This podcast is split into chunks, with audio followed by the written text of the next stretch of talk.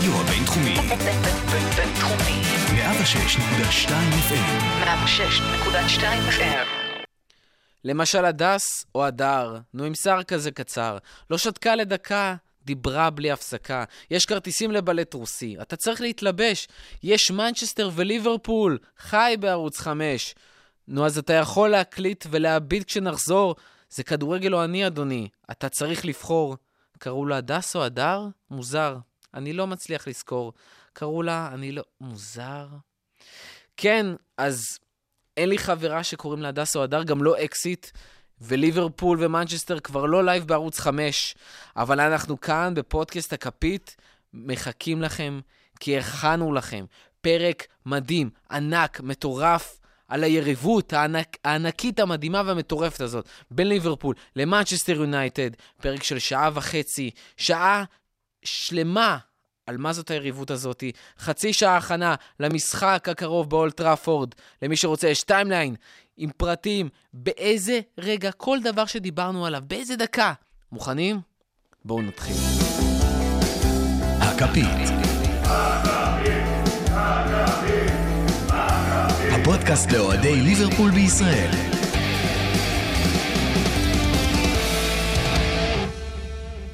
ברוכים הבאים לפרק 44 של הכפית, הפודקאסט לאוהדי ליברפול בישראל, כאן מהרדיו הבינתחומי בהרצליה, 106.2 FM.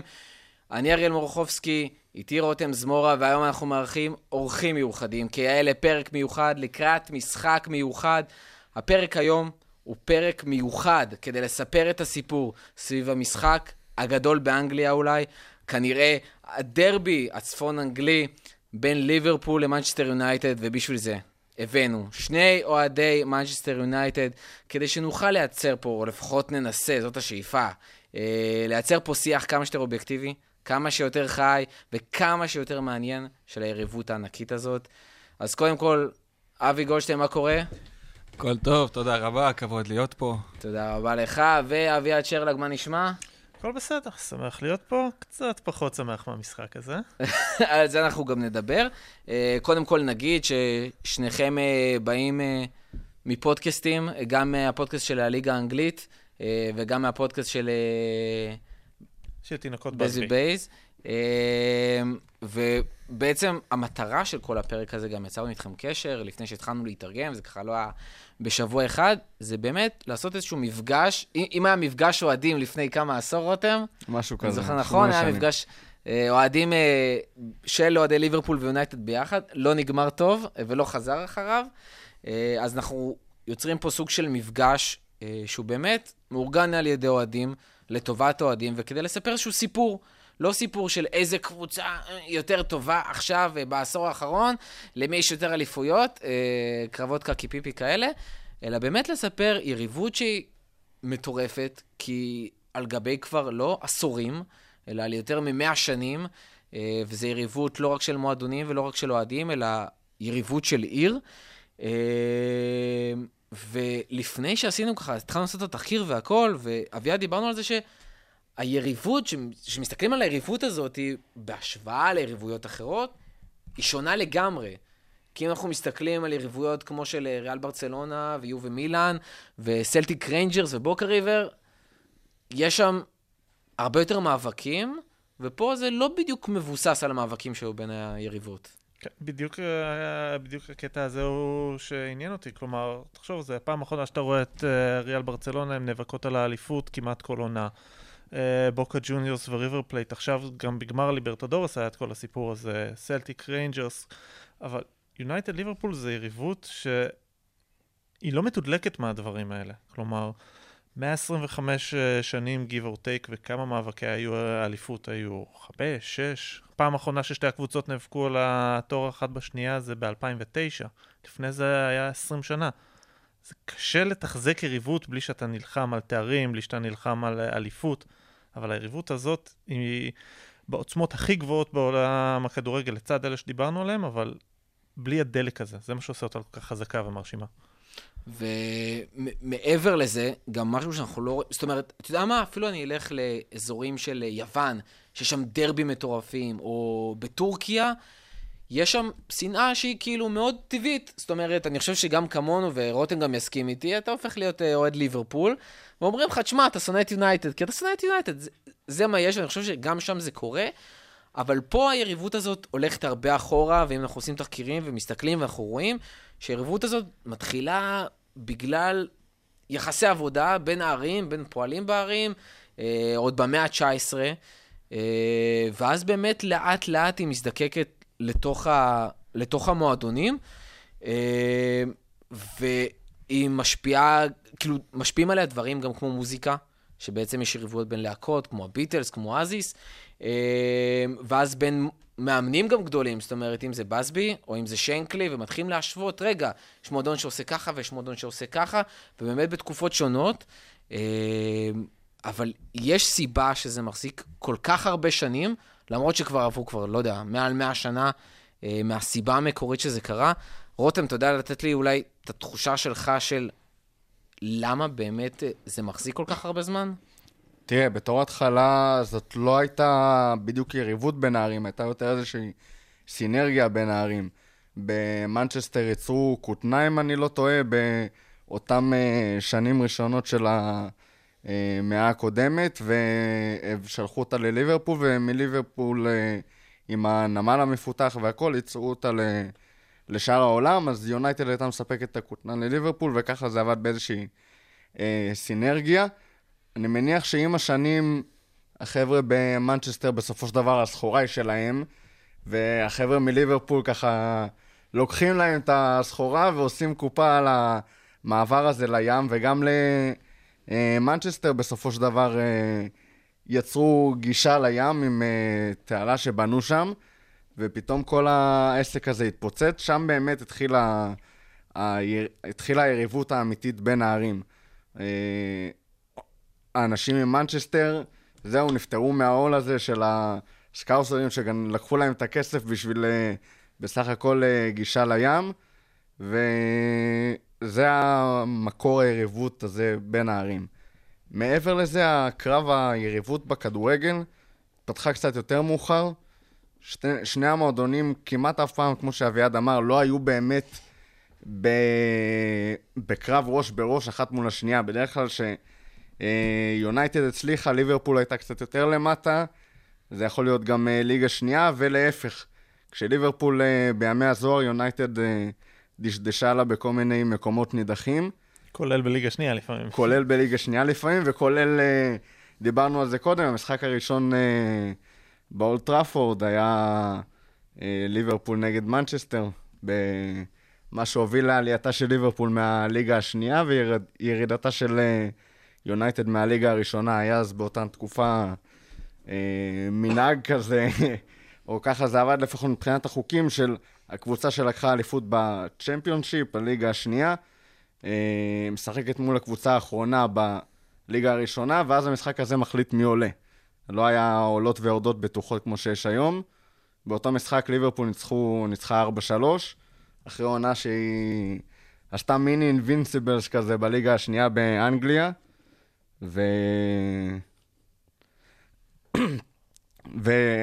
ושם בעצם uh, התחלפו התקופות באותו זמן.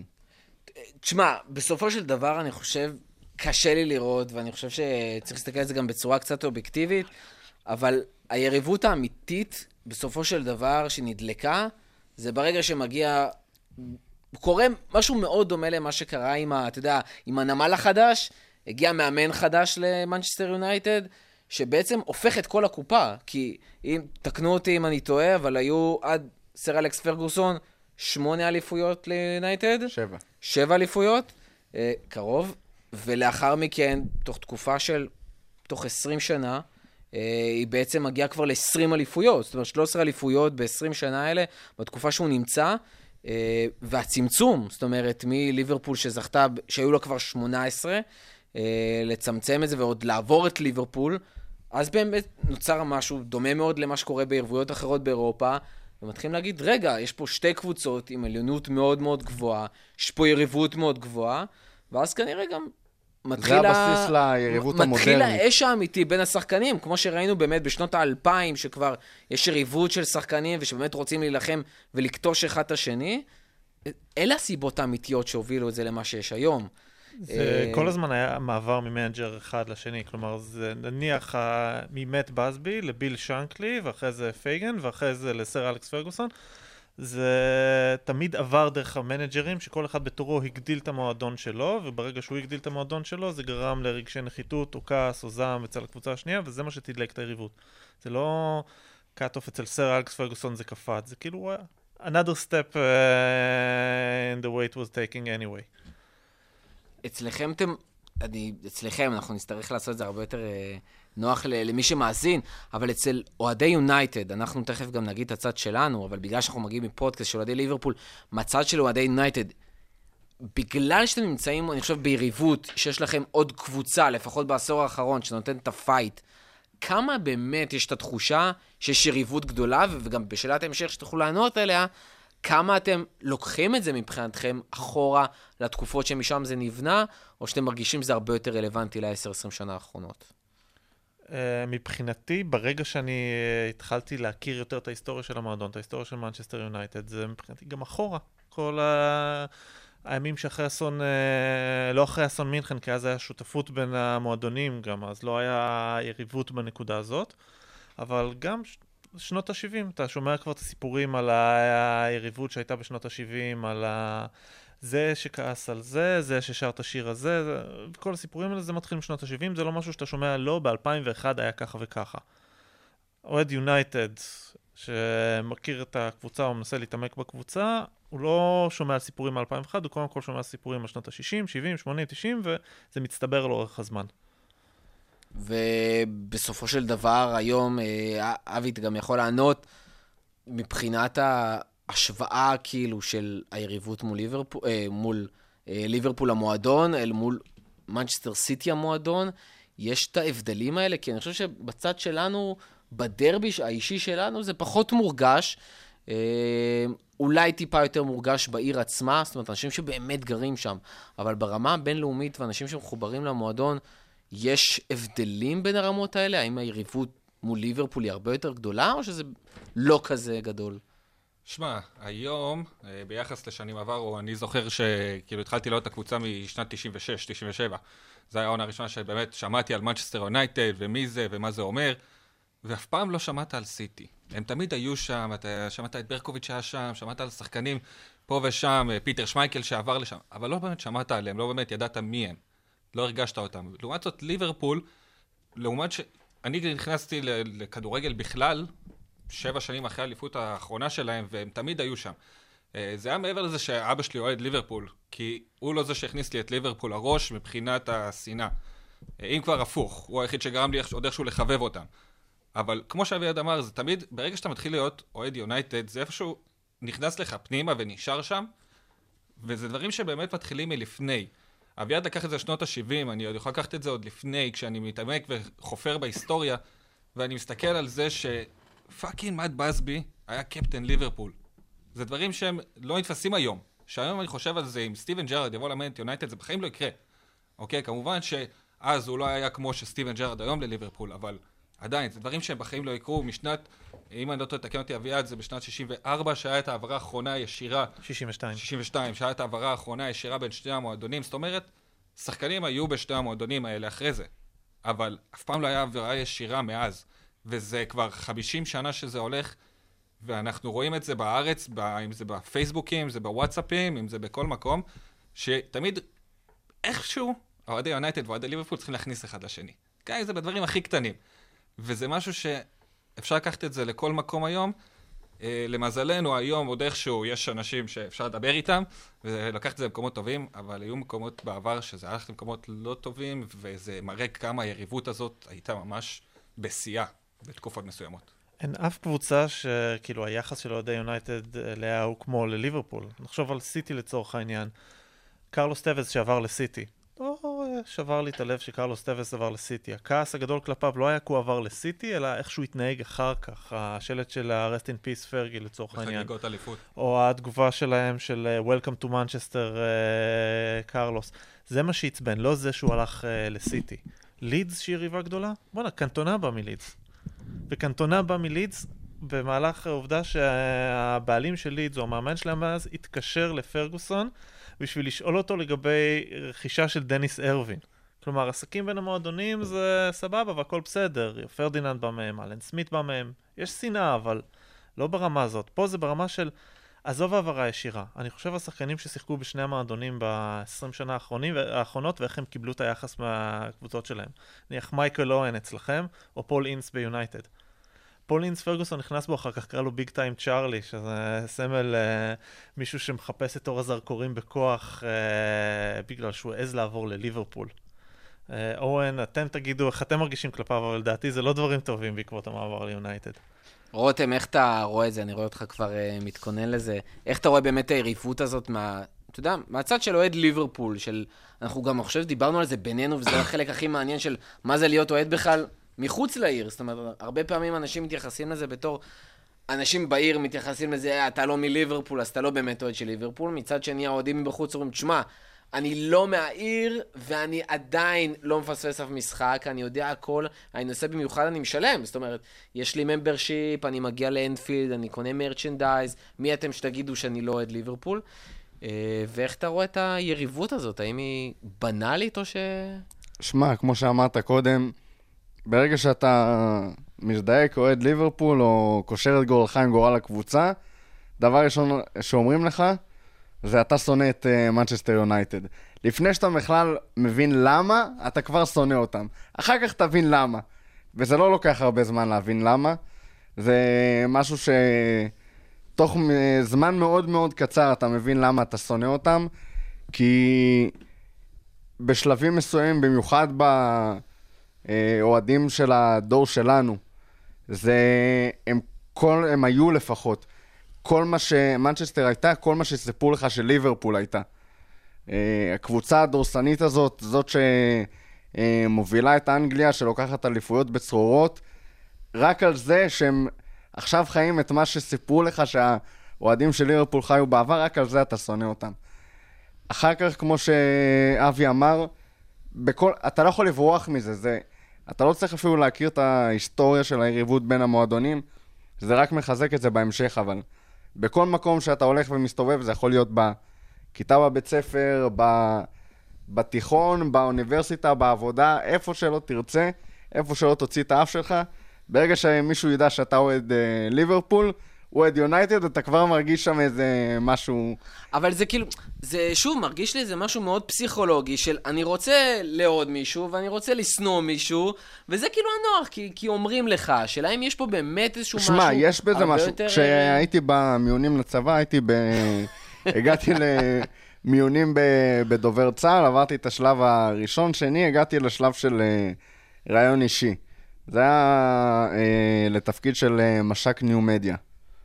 שאל אותי אחד המראיינים, היו שם איזה חמישה, אחרי מי אני עוקב בטוויטר, כאילו, מה, מה קורה שם? התחלתי לזרוק כל מיני שמות של עמודים של ליברפול וזה, הוא מסתכל עליי, יושב, מחייך כזה, במבט קצת אה, חשוד, ואומר לי, אה, איזה קטע, אני אוהד מנצ'סטר יונייטד. איזה באסה לך. איזה באסה לך. לא, לא נפלת על ה... באיזה שנה זה היה?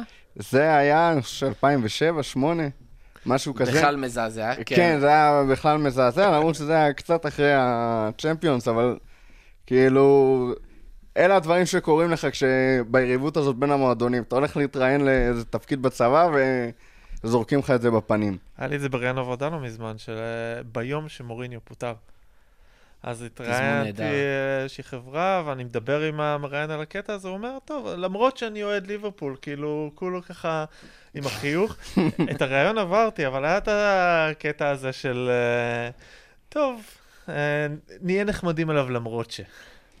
יכול להיות שאם אה, ליברפול לא הייתה מנצחת, אז לא היית עובר את הראיון. זה היה עובר קצת בפחות קלות. אבל כן, כן אחרי הדברים האלה אתה הולך ו...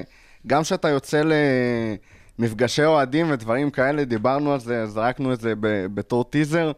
לפני שמונה שנים בערך היה איזשהו רעיון ביזארי כזה לעשות מפגש אוהדים משותף בין אוהדי אה, ליברפול לאוהדי מנצ'סטר יונייטד. אם אני לא טועה זה היה בדבלין בהרצליה.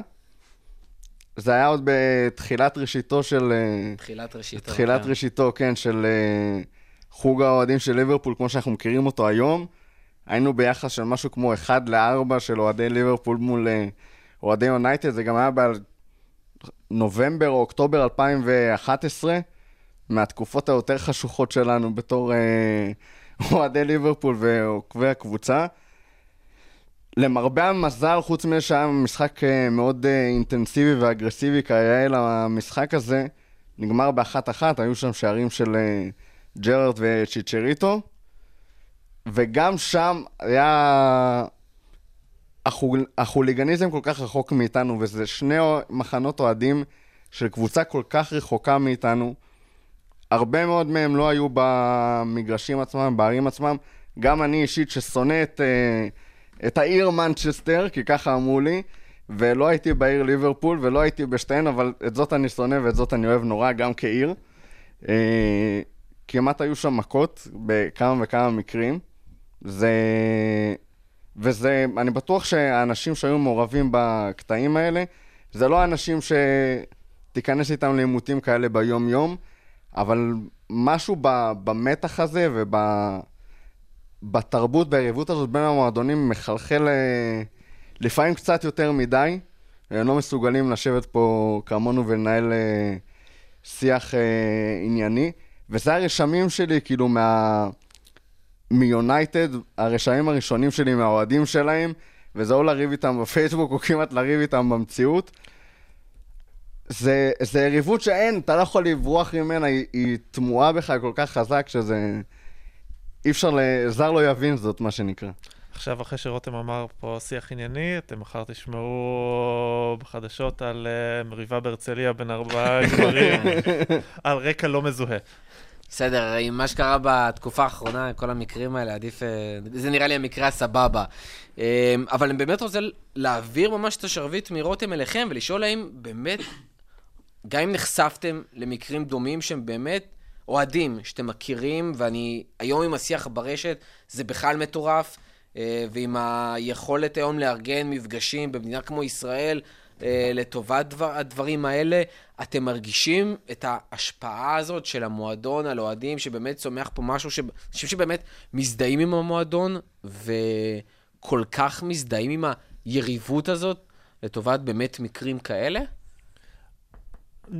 לא לכיוון האלימות, אבל בסופו של דבר, כמו בכל דבר אחר, להזדהות עם מועדון, להזדהות עם צד, להזדהות עם משהו, זה בהרבה מאוד מהמקרים אומר לא להזדהות בלשון עדינה מאוד עם הצד השני.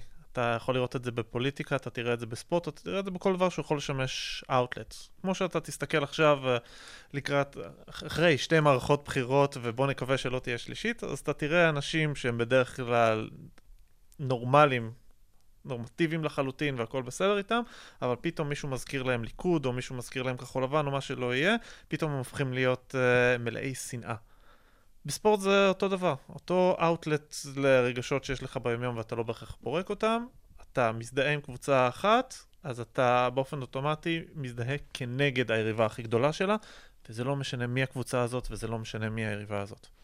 אם אנחנו מסתכלים באמת על שתי הקבוצות האלה, אנחנו כאילו מס... לוקחים את זה כבר למקום של באמת, כמו שאתה אומר, עם כחול לבן וליכוד, סתם ניתן איזושהי הגבלה, באמת על שני גופים שהם כאילו מתחרים אחד בשני, וכבר יש להם מאפיינים משלהם.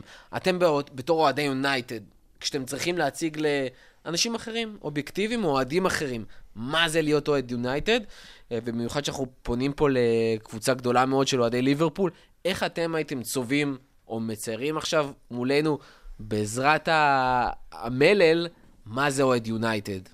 שמע, להגדיר אוהד יונייטד, ואני יכול להגיד לפחות בראות עיניי על אה, אוהדי ליברפול גם, כמו שנראה היום, זה להסתכל הרבה על ההיסטוריה. כי גם היום עם כל ההצלחה של ליברפול, אתה מאוד מתגאה בהיסטוריה שלה. תקנו אותי אם אני טועה. מאוד. זה, זה הבסיס שעליו עומד המועדון, כאילו... אז אתה מתגאה בהיסטוריה. בוודאי, צוחקים עלינו על זה אפילו. יפה, זה בדיוק מה שאמרתי. אתה, אתה אוהב את ההיסטוריה שלה, אתה מזדהה עם ההיסטוריה שלה, וכשאתה מסתכל היום על האהבה של מנצ'סטר יונייטד, כמו שאני מסתכל עליה, זה להכיר את איך אלכס פרגוסון התחיל, שזה הדבר הכי טרי שלנו, של הצלחה בראש. זה להבין את ההתחלה הקשה שלו, של מאיפה המועדון הגיע לפני שהוא, לפני שהוא נכנס לתפקיד, זה לחשוב על, אה, על, על תינוקות אה, באמת בבאזבי בייבס, להבין על איך הוא בנה אותם. להיות אוהד יונייטד זה להיות אוהד של מסורת. של להרגיש תחושה שיש למועדון שלך DNA מסוים שהוא ילך איתו באש ובמים. אבל השאלה איזה DNA, מה ההבדל בין מסורת של קבוצה כמו מנצ'סטר יונייטד לקבוצה כמו ליברפול עם מסורת באמת ענקית, אפילו אברטון עם מסורת מאוד ענקית, ענקית באנגליה, אה, אם זה ארסנל או אפילו קבוצות כמו לידס, אה, וקבוצות שבאמת במשך הרבה עשורים היו סופר דומיננטיים באנגליה, היום אולי קצת פחות.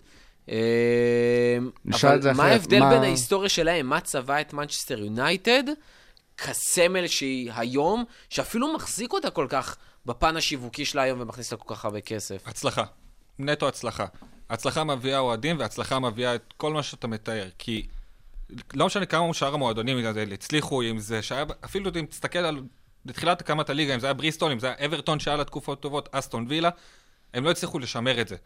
לעומת ליברפול ויונייטד, שהם עשו את זה לתקופות ארוכות. ליברפול ומנצ'סטר יונייטד, בניגוד לאחרות, זה לא היה הבלחה של שנה-שנתיים. זה היה הבלחה של לפעמים גם 20 שנים ויותר.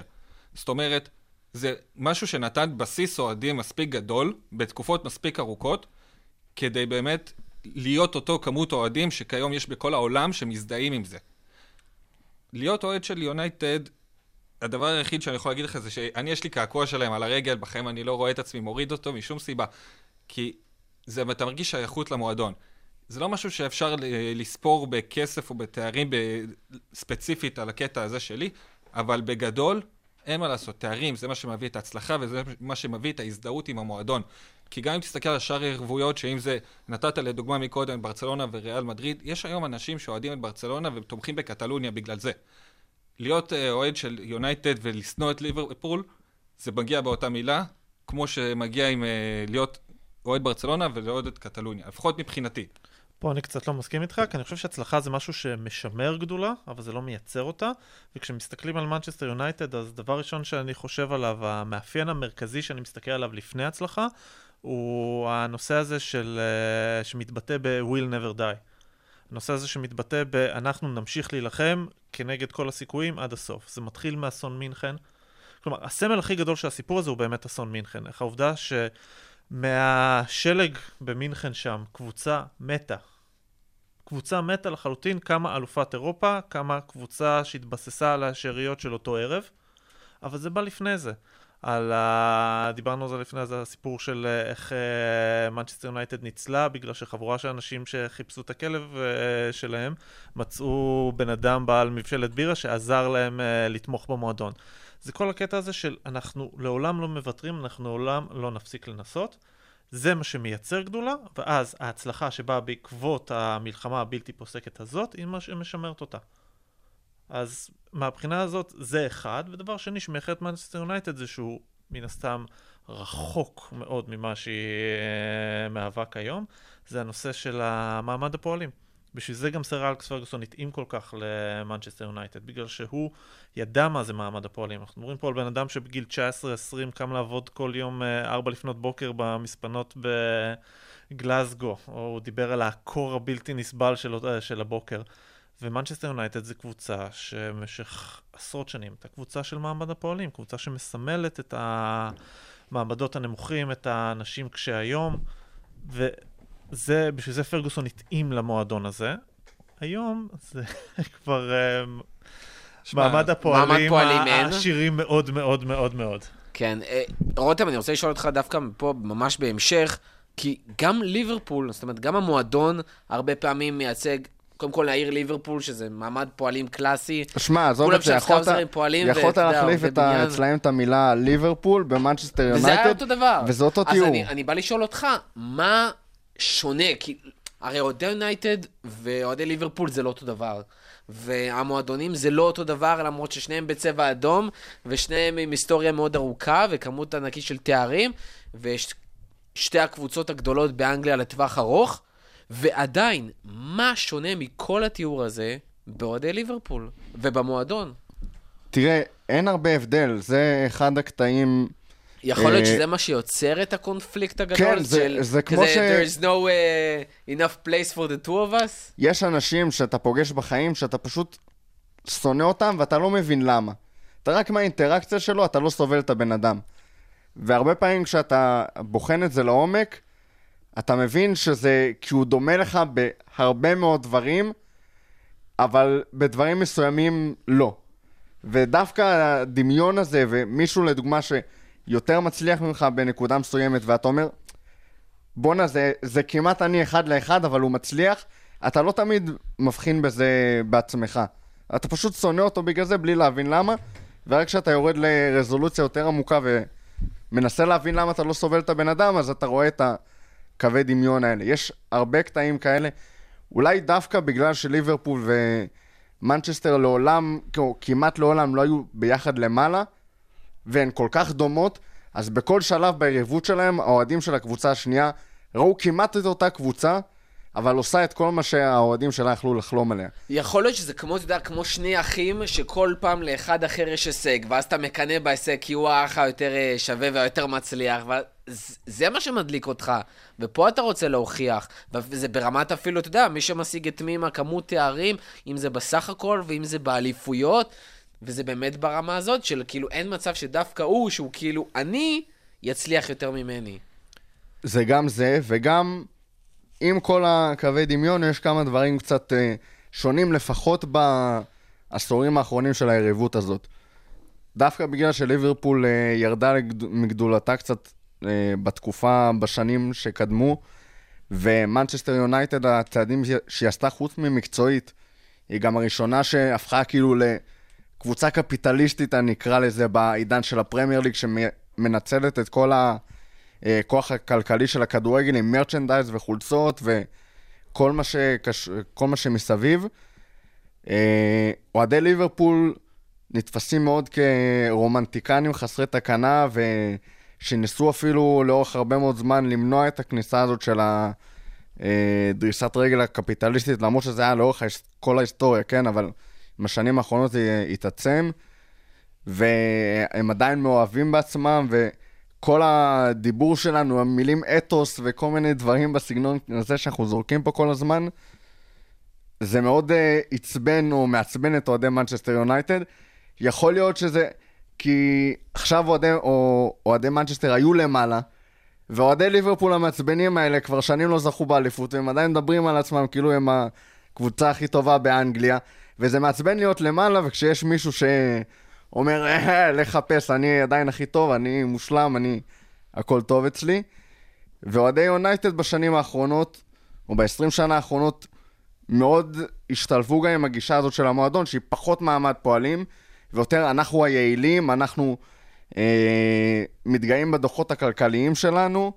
זה, זה מה שאתה שומע הרבה מאוד מאוהדי יונייטד, את הקטעים היותר קרים האלה, יותר פרקטיים של אנחנו באים לחפש תארים, לא מעניין אותנו שום דבר מסביב. אנחנו מכונת הצלחה, ופה נהיה קטע בין הרומנטיקה לכאורה של ליברפול לבין הפרקטיקה שהביאה הרבה מאוד תארים והצלחה של... אה, או פרקטיות שהביאה הרבה מאוד אה, תארים והצלחה למנצ'סטר. זה הפער הגדול מבחינתי לפחות בשנים האחרונות. אבי ואביעד, התייחסותכם. אם נהיה ציניים לשנייה, מה המוטו, אני לא יודע בין כמה, אבל לדעתי הוא חדש, הקטע הזה של ליברפול זה This means more, נכון? כן. כמה זמן זה רץ הדבר הזה? ארבע שנים, בערך מאז שקלופ נכנס. כן, זה... אוקיי. זה לא איזה משהו היסטורי. סבבה, עכשיו תחשבו על זה ככה. אה, ברצלונה זה יותר ממועדון, ביירן מינכן זה מיה סן מיה, שעד כמה שאני יודע לפחות זה This means more. יש מישהו שמרוויח כסף מלעודד uh, את התחושה הזאת של כל uh, קבוצת אוהדים, של המועדון שלנו הוא יותר. וזה מה שמנסים למכור לנו בסופו של דבר, גם במנצ'סטר יונייטד, גם בליברפול, גם בכל מועדון גדול אחר, יש מישהו שמרוויח כסף מלמכור לאוהדים את התחושה הזאת של אנחנו יותר ממועדון. ובסופו של דבר, בתקופות חזקות, יש, על מה אתה תסתמך? על ההצלחה שלך בתקופה החזקה הזאת. וואלה, אם זכיתי באליפות עכשיו, אז אני לא אבוא ואגיד למישהו, בואנה, אני כבר יש 25 אה, שנה אוהד את המועדון גם ברגעי השפל. לא, אתה תבוא להגיד, בואנה, fuck it, אני אלוף עכשיו. וכשאתה אוהד של מועדון שלא זכה באליפות תקופה מסוימת, אז אתה לא יכול להתעלות באליפות, אז מה אתה תגיד לו? בואנה, אני fucking אוהד של המועדון הזה כבר 25 שנה, למרות שלא ראינו שום אליפות, אני ממשיך לאהוד ובמלוא העוצמה. ככה זה עובד. אתה, אתה מרגיש חיבור, החיבור הזה הוא לא ציני, החיבור הזה הוא אמיתי, ובמה אתה משתמש בשביל לחזק את החיבור הזה? במה שאתה יכול. אם יש לך עכשיו תארים, אתה תשתמש בתארים. אם יש לך את החיבור למרות שאין תארים, אתה תשתמש בזה. ואת אותם uh, דיבור הזה של אוהדי ליברפול, של uh, הרומנטי הזה, שאתה מתייחס אליו, אני שומע אותו מאוהדי מנצ'סטר יונייטד ותיקים בהרבה ממני, שזוכרים את התקופות הרעות בזמן שליברפול לקחו אליפויות על ימין ועל שמאל, ואומרים בואנה, אנחנו היינו אוהדים של המועדון הזה גם בתקופות שאנחנו היינו בליגה השנייה, אז מה זה שש שנים בלי אליפות עכשיו בשבילנו? מה זה השש שנים האלה? יאללה, זה לא מעניין אותי, אני תמיד הייתי אוהד של מנצ'סטר יונייטד ואני תמיד אהיה. אתה משתמש במה שיש לך. אבל כמה כבר שומעים אותם? אתה לא באמת שומע כל כך הרבה את אותם אנשים ותיקים שבאמת זוכרים ומסתכלים על התקופה ההיא ואומרת, ואומרים, שש שנים, באמת, מה זה שש שנים?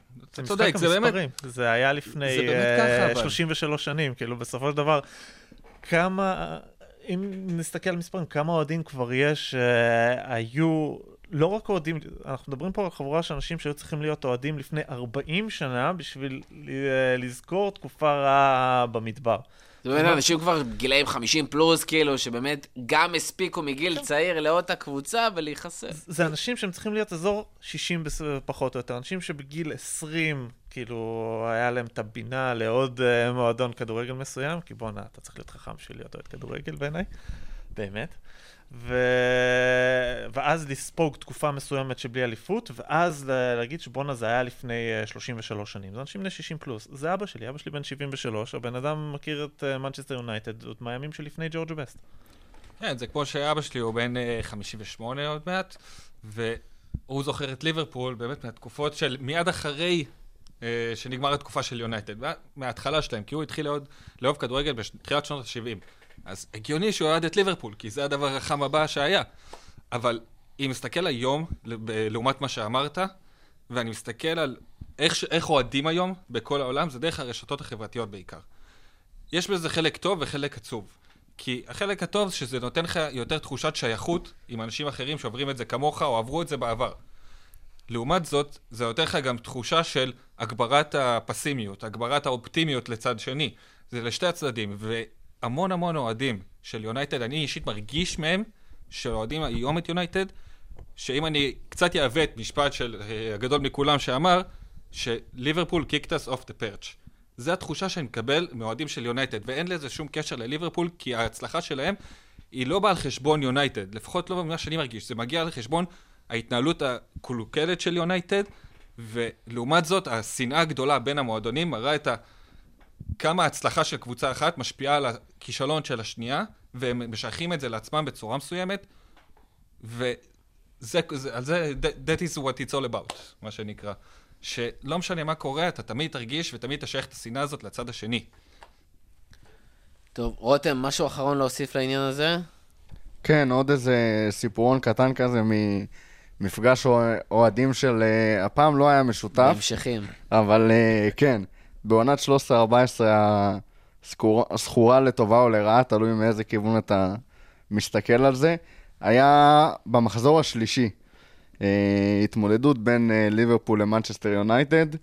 הגיע צוות אה, צילום של אה, ערוץ הספורט לסקר את המפגש הזה, היה באמת אה, קרנבל, זה כבר היה בתקופה שהחוג היה יותר מגובש, היו מגיעים, אה, מגיעים מאות אוהדים למפגש.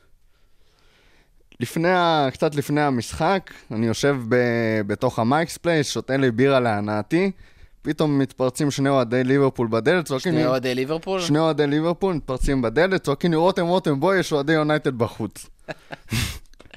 אני יוצא החוצה, עומדים שם איזה שלושה או ארבעה ליצנים, אני חושב שזה היה, צועקים אה, ממש עם מבט של שנאה בעיניים, צועקים לך מרדרס, מרדרס, רוצחים, רוצחים, וכאילו מרפרטואר השירים הפחות יצירתי ומוצלח שיש לאוהדי יונייטד. החברים שקראו, שרצו פנימה לקרוא לי, נשארו בפנים, נשארתי שם מופקר לבד במערכה מול אה, שלושה אוהדי אה, יונייטד חמומי מוח וקצת אה, חסרי גבולות. יש את זה מצולם, אגב, אם תחפשו ביוטיוב, יש את אוהדי ליברפול מייקס פלייס, יש את הכתבה הזאת, כתבה נהדרת. המשחק הסתיים בניצחון 1-0, שער של אה, דניאל סטאריג'. דקה רביעית אני חושב שזה היה. משחק שכולו גם כן אה, כפית אחת גדולה. סוף המשחק מתודלקים בשלוש נקודות ומשהו כמו שלושה ליטר בירה. אמרנו, טוב, it's uh, payback time. באתם אלינו, הם נפגשו בדבלין, מי שלא מכיר זה 500 מטר מהמייקס פלייס, משהו כזה. נפגשו בדבלין, אמרתי, טוב, נאסוף כמה חבר'ה, נלך uh, לחגוג על דמם, אין uh, שמחה כמו שמחה לאיד. בדרך תפס אותי אחד מהחברים, אמר לי, קח, זה המספר שלי, שם לי בטלפון, אם אתה צריך עזרה, תתקשר אליי. שמרתי אותו בטלפון uh, לישי עזרה. ו... במקום איזה מספר? לא, המספר שלו. לא היה חיוג מהיר?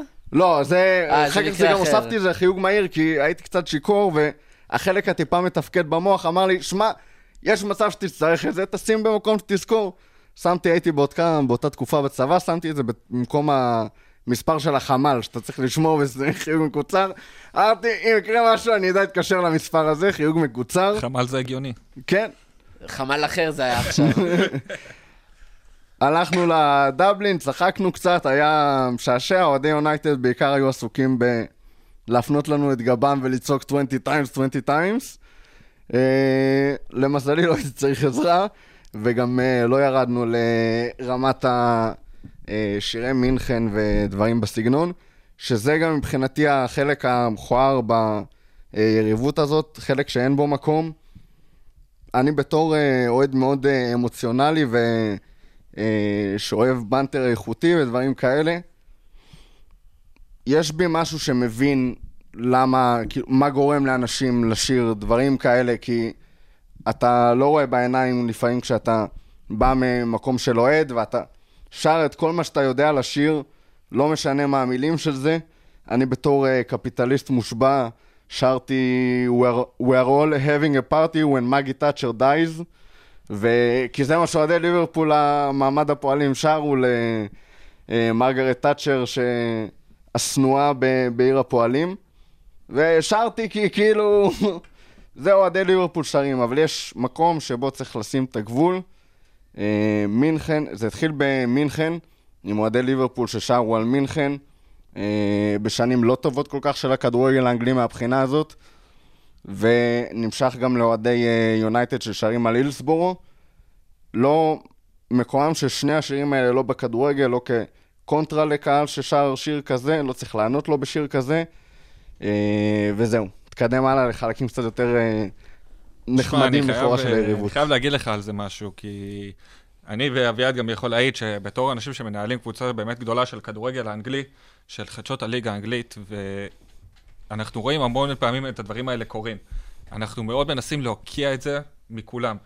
אנחנו מפצירים באנשים כל הזמן, תגידו לנו, דווחו לנו, אנחנו לא יכולים לראות באותו רגע, אנחנו לא יכולים לשלוט בהכל, אבל הדברים האלה מאוד צורמים לנו, וגם בכלל, כאוהד יונייטד, לשמוע מישהו אחר אה, שמדבר על אסון אה, הילסבורו, זה, זה מעבר לצביטה בלב, זה, זה משהו שאומר כאילו, לאן הידרדרנו? וזה דברים שהם חייבים להוקיע אותם מהכדורגל, שאני שמח שפחות ופחות רואים אותם, כי באמת, כבר בקושי שומעים על דברים כאלה, אבל זה עדיין קורה, ואנחנו צריכים, זה משהו שאנחנו צריכים ביחד, בתור האנשים כביכול, שרוצים איכשהו להגיע לאנשים, להגיע לכל האוהדים, להסביר להם שזה לא המקום לזה. יש מקום וזמן לכל דבר, וזה לא נמצא שם פשוט. מה אתה חושב על אה, בנטרים ודברים כאלה שהם משאילים מאנגליה? אני אתן לך דוגמה. כיף.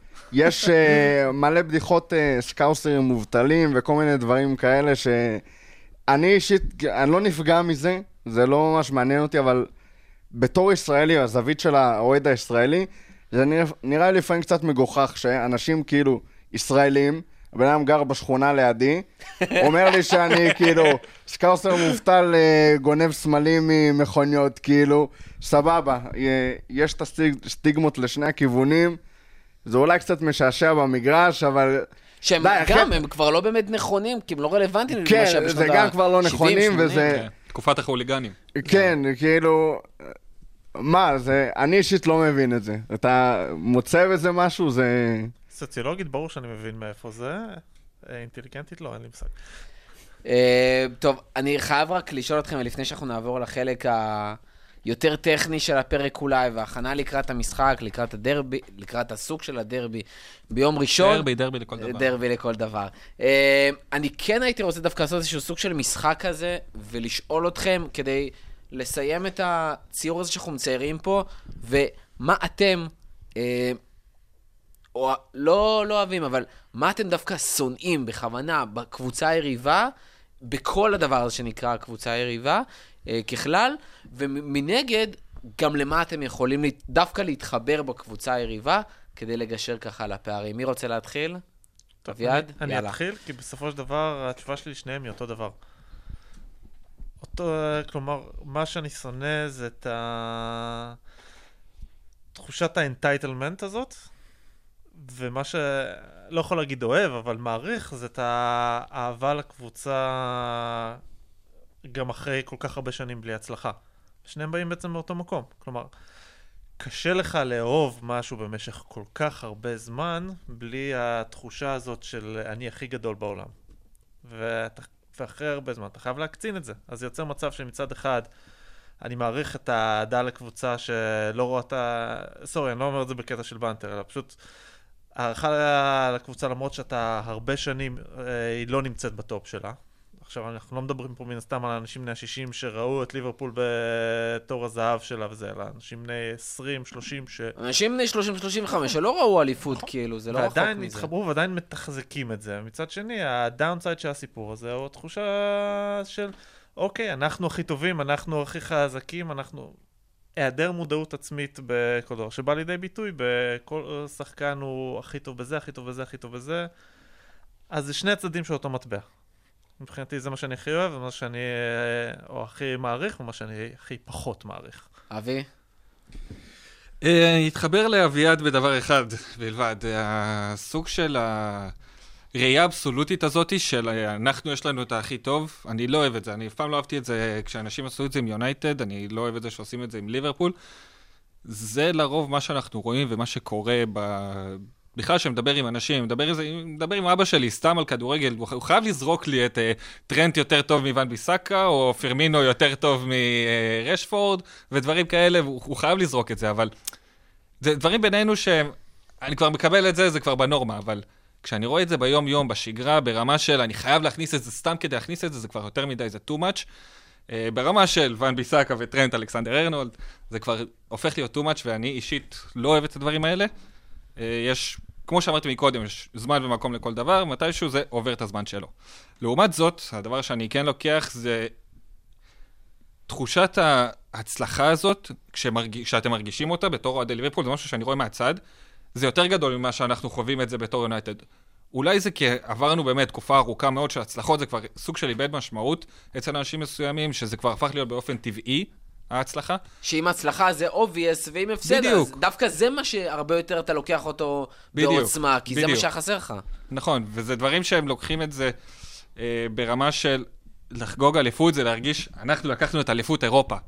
זה, זה התחושה שיש מאוהדי ליברפול, וזה משהו שאני מאוד מעריך, זה משהו שאני לא רואה ביונייטד, כי גם עם ההצלחות הקטנות, צריך לדעת אה, לחגוג אותם, גם כשלא הולך, וזה משהו שפשוט אין אצל יונייטד, גם אצל הכי אופטימי, ואני אחד מהם, ואביעד יעיד עליי, אין את זה, פשוט, זה משהו שמאוד חסר. רותם? אמ, שמע, דבר ראשון, יונייטד כקבוצה זה משהו מעורר שנאה ואהבה ככה מהזווית של, האוהד. כשאתה שומע את, אה, את קין וקנטונה ונביל וסקולס וגיגס וכל האנשים האלה ב... בתקשורת והדיבור שלהם והדברים שהם אומרים, זה הדברים שאתה שונא כאוהד ליברפול, הציניות הזאת, אתה שומע דיבורים של... הזלזול? זה לא זלזול, אבל זה פשוט קבוצה של אנשים שבאו לנצח. הם לא ראו שום דבר בעיניים, אתה שומע רעיונות והם של... ניצחו, כאילו, כן, בסופו והם של ניצחו. דבר. וזה... באיזשהו מקום זה אנטיתזה לרעיון של ליברפול, כי אתה שומע את, אה, את אה, גארי נביל מדבר על השנים שלו בחדר ההלבשה ביונייטד. לא היו שם כאילו איזה אחווה כזאת וצחוקים כמו שאתה רואה ב, בליברפול, וכמו שקלופ מנסה להסביר לך שככה אתה בונה קבוצה מלוכדת וזה. היו שם חבורה של אנשים, כל אחד עם מנטליות כמו של רונלדו. אני הולך לנצח את המשחק הזה. אנחנו נגד הניצחון, העולם. כן, הניצחון בכל מחיר, וזה מה שאנחנו נעשה. זה לא היה איזה קולקטיב מטורף, זה היה קבוצה של באמת ווינרים חסרי, חסרי רגש, חסרי אמפתיה, חסרי הכל, פשוט באו לקחת תארים. זה, זה מנצ'סטר יונייטד של, של השנים האלה, מבחינתי לפחות, וזה משהו שאני שונא ומעריך ב, באותו זמן. זה משהו שאני לא רוצה לראות בליברפול, אבל הייתי רוצה לראות את התארים שזה הביא ליונייטד. זה איזשהו מאבק כזה שיש לך כל הזמן בראש, וליברפול העכשווית, אני מרגיש שקצת משחקת על הקו הזה, כי ואן דייק עם כל האהבה והרומנטיקה, אתה רואה בו את הציניות הזאת, והבן אדם לובש את ה liver bird על החזה, אבל הוא לא, כאילו, הוא לא מה שסטיבן ג'רארד היה, אבל הוא מה שאתה צריך. זה בן אדם שבא לקחת, להביא לך ליגת האלופות. וזה קו מאוד עדין. מעבר לזה, האוהדים, שמע, אני עוקב מלא אחרי מדיה של אוהדים באנגליה, אה, ערוצי אוהדים של צ'לסי, יונייטד, ארסנל, יש הרבה מדיה נהדרת כיום של אוהדים ב... במיוחד ב... באנגליה, זה גם באנגלית, זה נהדר. יונייטד, האוהדים שלהם זה הדבר באמת הכי קרוב מבחינת passion, שאתה רואה אותם מתראיינים ומדברים על הקבוצה, שהכי מזכיר לי את אוהדי ליברפול. אתה רואה, תראה סרטונים של שני, אוהדים של שני הקבוצות, לראות את הסמל על החזה ולשמוע את המבטא הסקאוזרי שאתה לא יכול לפספס בשום מצב. זה, זה כמעט שתי טיפות מים, אתה שומע את, ה, את הכאב הזה של אוהדי יונייטד כרגע, שמצד אחד כאילו גורם לך קצת שמח וכיף, אבל אתה מבין הזאת. אותו, כאילו, ואתה כן. מבין את האנשים עם באמת חיבור שאין להרבה אוהדי קבוצות ב, באנגליה או בכלל. משהו באוהדי יונייטד מאוד מחובר לקבוצה, בניגוד לאוהדי הרבה קבוצות אחרות, וזה משהו שאתה לא יכול לא להעריך, את החיבור בין הקבוצה לקהל, ו... ומנטליות שכרגע, אנחנו נדבר על זה יותר בהרחבה תכף כשנגיע למשחק, אבל אתה מגיע ל... כשאנחנו יוצאים לגודיסון פארק, כמו שאמרתי כמה וכמה פעמים, אתה מרגיש שאוהדי אברטון באים להפריע לך. אוהדי אברטון רוצים להפריע לליברפול. כשאתה יוצא.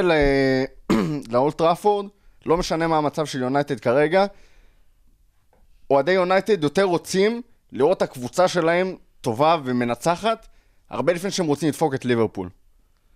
ועם כל היריבות ועם כל הדברים האלה, אוהדי יונייטד רוצים לראות קבוצה טובה. וקבוצה מנצחת וקבוצה עם אופי, גם אם זה יעלה באיזשהו מקום בנקודה או, ש- או שתיים נגד ליברפול.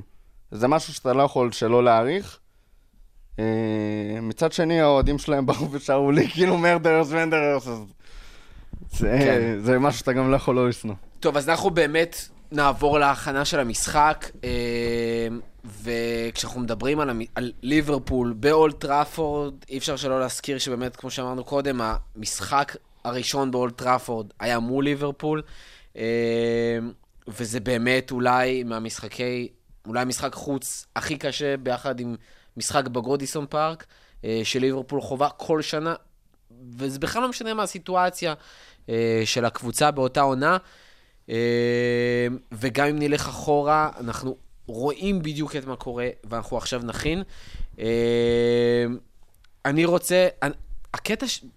מה שחשוב לי באמת להתחיל איתו זה התחושה, אין מה לעשות. יש פה איזשהו פיל כזה בחדר וכולם מדברים עליו, וכנראה שאנחנו גם מתחילים את השיח שיהיה בימים הקרובים לקראת המשחק, שליברפול אחרי הרבה שנים מגיעה הרבה יותר פייבוריטית מבדרך כלל, יונייטד מגיעה הרבה יותר אנדרדוגית מבדרך כלל.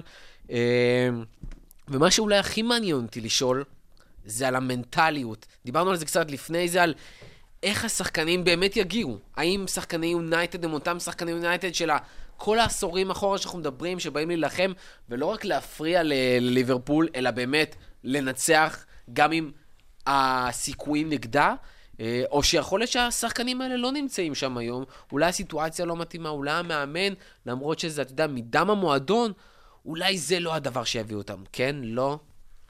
אז זהו. בדיוק דיברנו על זה קצת לפני שהקלטנו, שרותם אמר שהוא לא בטוח ששחקני יונייטד יבואו לירוק דם, כמו ששחקני יונייטד בדרך כלל באים לירוק דם נגד ליברפול. לא בטוח שזה כזה obvious. אז זו נקודה מעניינת, כי מה שאני חושב זה שמבחינתי, לבוא כשחקן יונייטד ולירוק דם מול ליברפול, זה לחלוטין ה-obvious, ואם זה לא יקרה, אז אנחנו כבר מדברים על בעיה. אז זה, למפגש הזה יש חוקים משלו מעבר ל... מעבר ליכולת עד כה, מעבר למצב בטבלה. בדיוק אה, דיברנו זה לפני זה, על אפשרות להסתכל על משחקים גדולים מהעבר.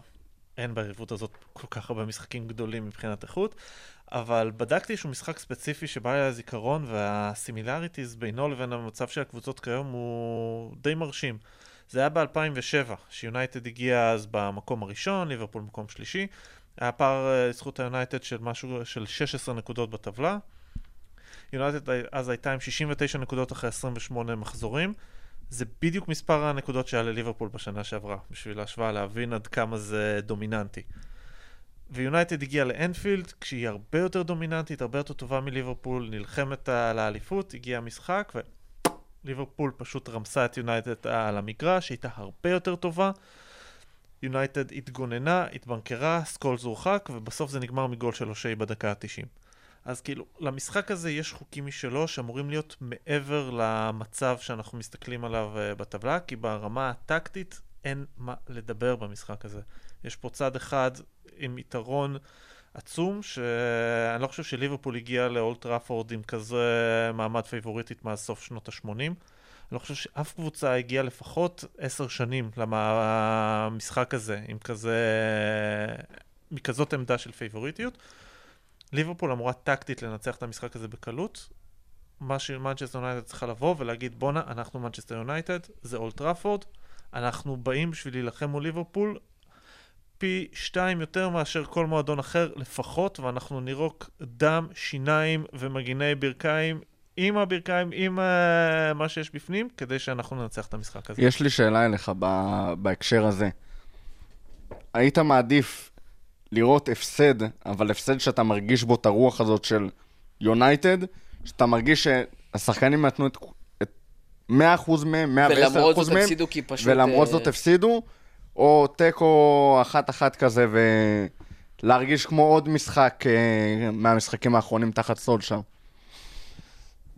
על הנייר שאלה מכשילה, במציאות לא יהיה פה תיקו אחת-אחת אם הם לא ירקו דם. אז אה, אין לי על מה לחשוב על זה בכלל. אני חושב שליברפול ברבע מהיכולת שלה לא יכולה לצאת עם תיקו מאולד טראפורד, אלא אם כן מנצ'סטר יונייטד תבוא לירוק דם. זה פשוט לא יקרה. אני דווקא, יש לי תשובה. אני מבין אותך, כי זה התלבטות בין המוח לבין הרגש, וזה קשה. אבל אין מה לעשות, אני בדרך כלל משתדל לחשוב מהמוח. אה, אני הרובוט פה, זה בסדר. ולגבי מה ששאלת, אה, רותם, מצד אחד, אנחנו, כמו שאתה ציינת בעצמך, שאנחנו מנצ'סטר יונייטד, אנחנו חיים בתקופה של, הי- היינו בתקופה של פרגוסון, של אנחנו נגד העולם, אנחנו לנצח כל דבר, לא משנה מה. אבל היום אנחנו לא נמצאים שם. והיום יונייטד חייבת להיכנס, כי היא פשוט לא נמצאת שם, לתהליך של בנייה של הקבוצה.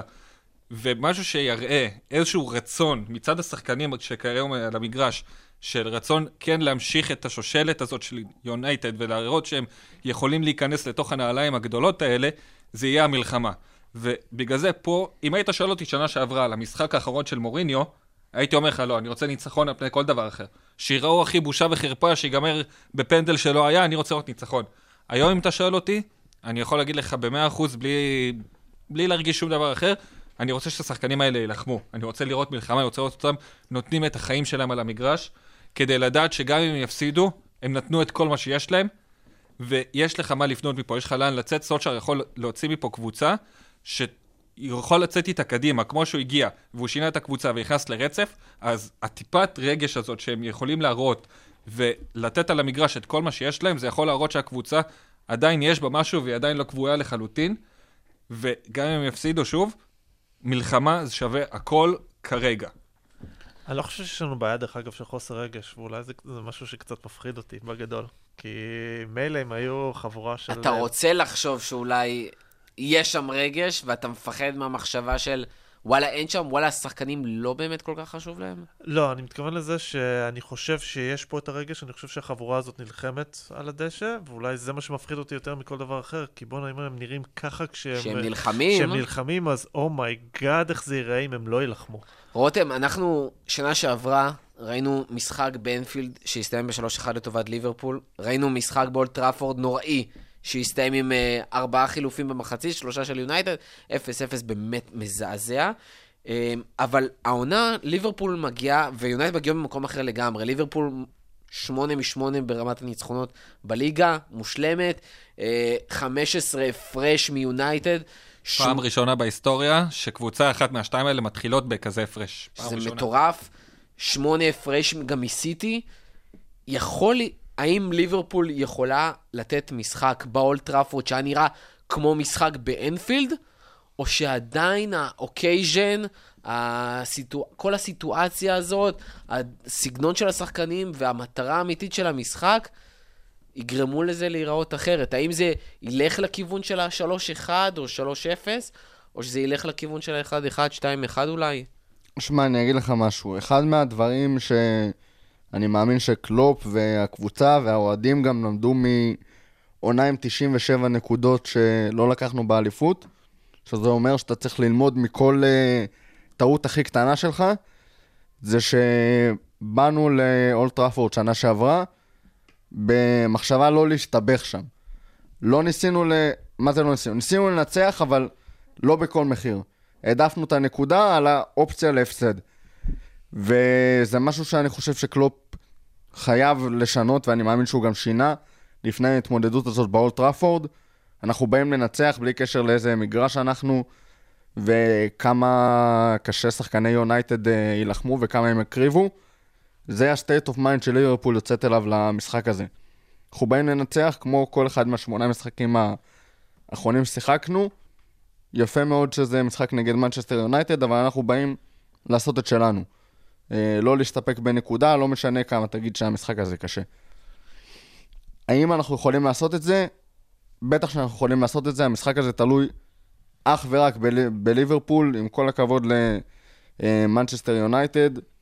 כשזה מתחבר לנו, יונייטד במצבה כרגע לא יכולה אה, להפתיע את ליברפול, לא כי היא קבוצה כל כך רעה, כמו זה שאין לה שום דבר שהיא באמת מצטיינת בו. אם אתה מסתכל אפילו על אה, זלצבורג, ששיחקנו נגדם בליגת האלופות, מה שזלצבורג יודעת לעשות, המיני ליברפול, כמו שקלופ תיאר את זה, יודעת לעשות את זה בצורה מדהימה. ההגנה שלה אה, על הפנים, קבוצה מליגה האוסטרית שאין מה לעשות, היא לא רגילה להתמודד מול קבוצות כאלה, אבל היא יודעת לעשות משהו ממש טוב.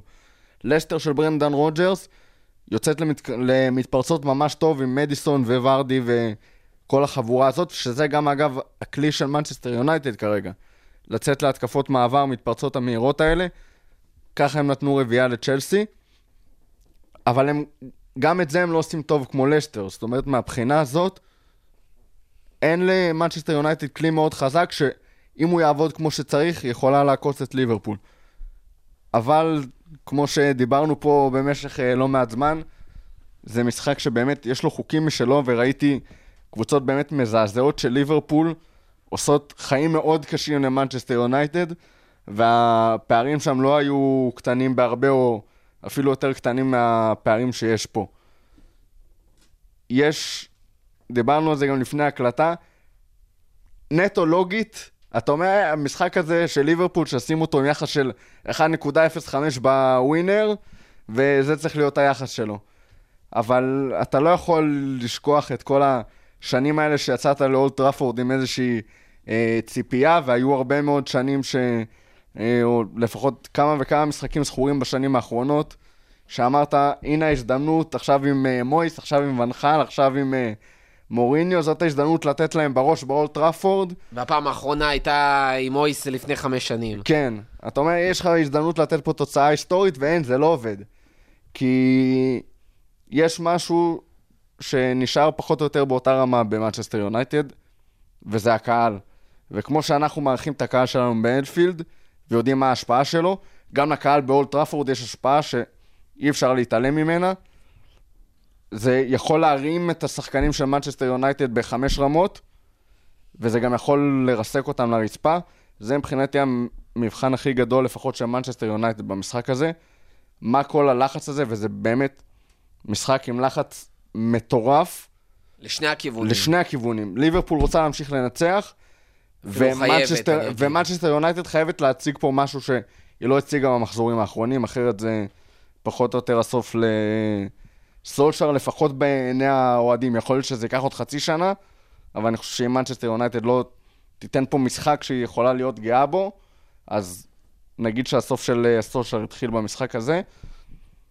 זה לחץ יכול אה, להרים קבוצה ויכול לרסק קבוצה. אמרתי לפני המשחק שיש מצב שתהיה פה תבוסה ליונייטד. אני חושב ששער מהיר יכול... אה, שער מהיר בתוספת הלחץ. לשני הכיוונים, שער מהיר יכול לדעתי לא, אני חושב... לא, שער מהיר של יונייטד אני לא חושב שיעשה יותר מדי בלאגן, אבל שער מהיר של ליברפול אה, יכול למוטט... שנתלים שם על קירי תרנגולת כמה שחקנים מבחינת מנטליות ומה עובר להם בראש. פוגבה לדעתי, אה, זה דברים שיכולים מאוד לערער אותו, ואנחנו יודעים שפוגבה יכול לצאת מבלנס לגמרי במשחקים מסוימים. אה, שער מהיר יכול לפרק אותם, אבל אה, אני, זה משחק שאני ממש, ממש, ממש לא רוצה להמר עליו. כן, אביעד, אני רותם שם. פה דרך אגב נקודה נכונה לגבי סולשר, לגבי העתיד שלו, כי כולם יודעים שמוריניו פוטר אחרי שהוא הפסיד לליברפול. אבל מה שפחות, מה שעבר מתחת לרדאר הוא שההפסד ההוא לליברפול היה פשוט החותמת לתקופה מסוימת. זה היה כבר הקש ששבר את גב הגמל. נכון. נקודת השבר המשמעותית הראשונה של מוריניו ביונייטד הייתה באמת ליברפול. ה-0-0 במחזור התשיעי ב-2017-2018, כשבמאצ'סטר יונייטד באה בתקופה יחסית טובה, אבל היא הגיעה לליברפול שהייתה בתקופה פחות טובה תחת קלופ, היה שם מיני משברון כזה של שלושה ארבעה משחקים לניצחון, משהו כזה. ויונייטד הגיע לאנפילד, ומוריניו בא עם הלך הרוח של אוקיי, זה אנפילד, אני לא רוצה לתת לליברפול עכשיו את הכלי שהיא אוהבת, את השטח ואת המתפרצות, אני לא רוצה לתת להם את הניצחון שיחזיר אותם, ובא לדפוק את הבונקר הרגיל שלו, ועשה את ה-0-0, וזו הייתה נקודת שבר ראשונה משמעותית למוריניו, למרות עונה ראשונה עם מקום שישי והכל, זו הייתה נקודת השבר המשמעותית הראשונה, שבה האוהדים התחילו להגיד, בואנה, מה הולך פה? הוא קיבל שנה שלמה, הוא קיבל קיץ אה, עם הקבוצה לבנות מחדש, הוא קיבל את כל הכלים שבעולם, והוא בא לאנפילד ונראה ככה, זה לא מנצ'סטר יונייטד. ומשם זה התחיל. אז יכול להיות שמכה מול ליברפול, בין אם זה מכה בתוצאה או מכה ברוח, אולי לא תהיה המסמר האחרון בארון הקבורה של סולשר, אבל יכול להיות שזאת תהיה נקודת שבר משמעותית גם לאוהדים אה, שמאוד תומכים בו כרגע. אבי, אתה חושב שהמשחק הזה באמת משמעותי ברמת, אה, כמו שרותם אמר, ברמת אה, מה שקורה עכשיו במועדון, זה יכול להשפיע על ההמשך, אם זה יהיה באמת אה, ניצחון תיקו לכיוון שלכם או הפסד, או שזה באמת אה, בסיטואציה כיום, עם המשחקים האחרונים והפתיחה הזאת, זה כאילו כבר יהיה באמת עוד משחק, ווואלה, אפשר להגיד, שמע, לליברפול של היום אפשר להפסיד, כי ליברפול של היום באמת ברמה קיצונית ביחס לליגה, וזה לא אמור להיות ברומטר בכלל למצב של יונייטד השנה. אה, בואו נתחיל אה, מזה שלא, זה לא עוד משחק, אין מה לעשות, לא משנה איך תהפוך, איך תסובב את זה, זה פשוט לא יכול להיות עוד משחק. אה, כי האוהדים אה, מסביב לא ייתנו לזה להיות, כי המועדון רוצה שזה יהיה עוד משחק גדול וזה לא יהיה עוד סתם משחק, אז אף אחד לא ייתן לזה להיות עוד סתם משחק. לעומת זאת, אה, לפני שאני ואביעד הגענו, אז דיברנו קצת בחוץ, ודיברנו על העניין באמת של סולשאר, ואמרתי לו שאני לא חושב שסולשאר יפוטר השנה. ככה שלדעתי אני לא רואה את, סול, את זה כמסמר של סולשאר, או כנקוד, כחבל הצלה שלו. זאת אומרת, סולשאר, הדרך שלו למטה היא די סלולה כרגע. אין לו באמת תמיכה אמיתית מהמועדון אה, בראות עיניי, אין לו באמת אה, תמיכה אמיתית כבר מהקהל, זה גם יורד ברמות. אה, הדרך שלו למטה היא כבר אה, די חקוקה בסלע. אה, יצטרך מאוד נס של הרבה משחקים ולא משחק אחד ספציפי כדי להציל אותו. אבל העונה הזאת הוא יישאר עד הסוף, כי המועדון רוצה להראות שהוא יוצא לדרך חדשה. הוא יראה את זה כביכול עם הצעירים האנגליים שהוא הביא, עם הדרך הבריטית שהוא רוצה להציג כלפי העולם, עם המטרות שהוא שם לעצמו, עם זה כל הדיווחים על מדיסון ועל סנצ'ו וכן הלאה, והמון שמועות והמצאות שמגיעות משום מקום. אבל סולשאר, לא משנה איך הוא יסיים את העונה הזאת, אה, אם זה לא יהיה בטופ 4, הוא ילך הביתה לדעתי, אבל הוא כן יסיים את העונה. כי אתה לא יכול לעשות עוד פעם, כמו שעשית העונה שעברה עם איתו. עם אותו מאמן שהחליף את המאמן הקודם, שפיטרת באמצע העונה. אתה פשוט לא יכול מבחינת המועדון, מבחינת האיכות, מה שמציגים החוצה, אתה לא יכול לעשות את זה, ואתה צריך להביא למאמן את הקיץ, ולא להכניס אותו באמצע העונה, כדי שהוא באמת יהיה לו את הסיכוי להצליח.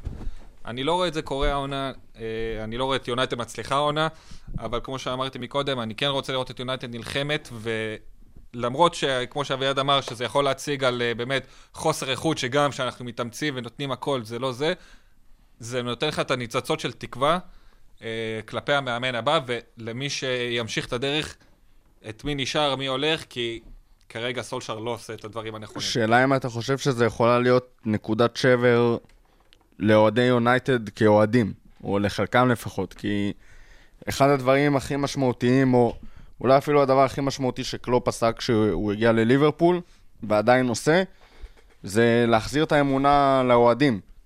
כי הדברים שעברנו במשך אה, לפחות 15 שנה האחרונות, או 14, מאז הגמר באיסטנבול בעצם, ששם היה איזשהו...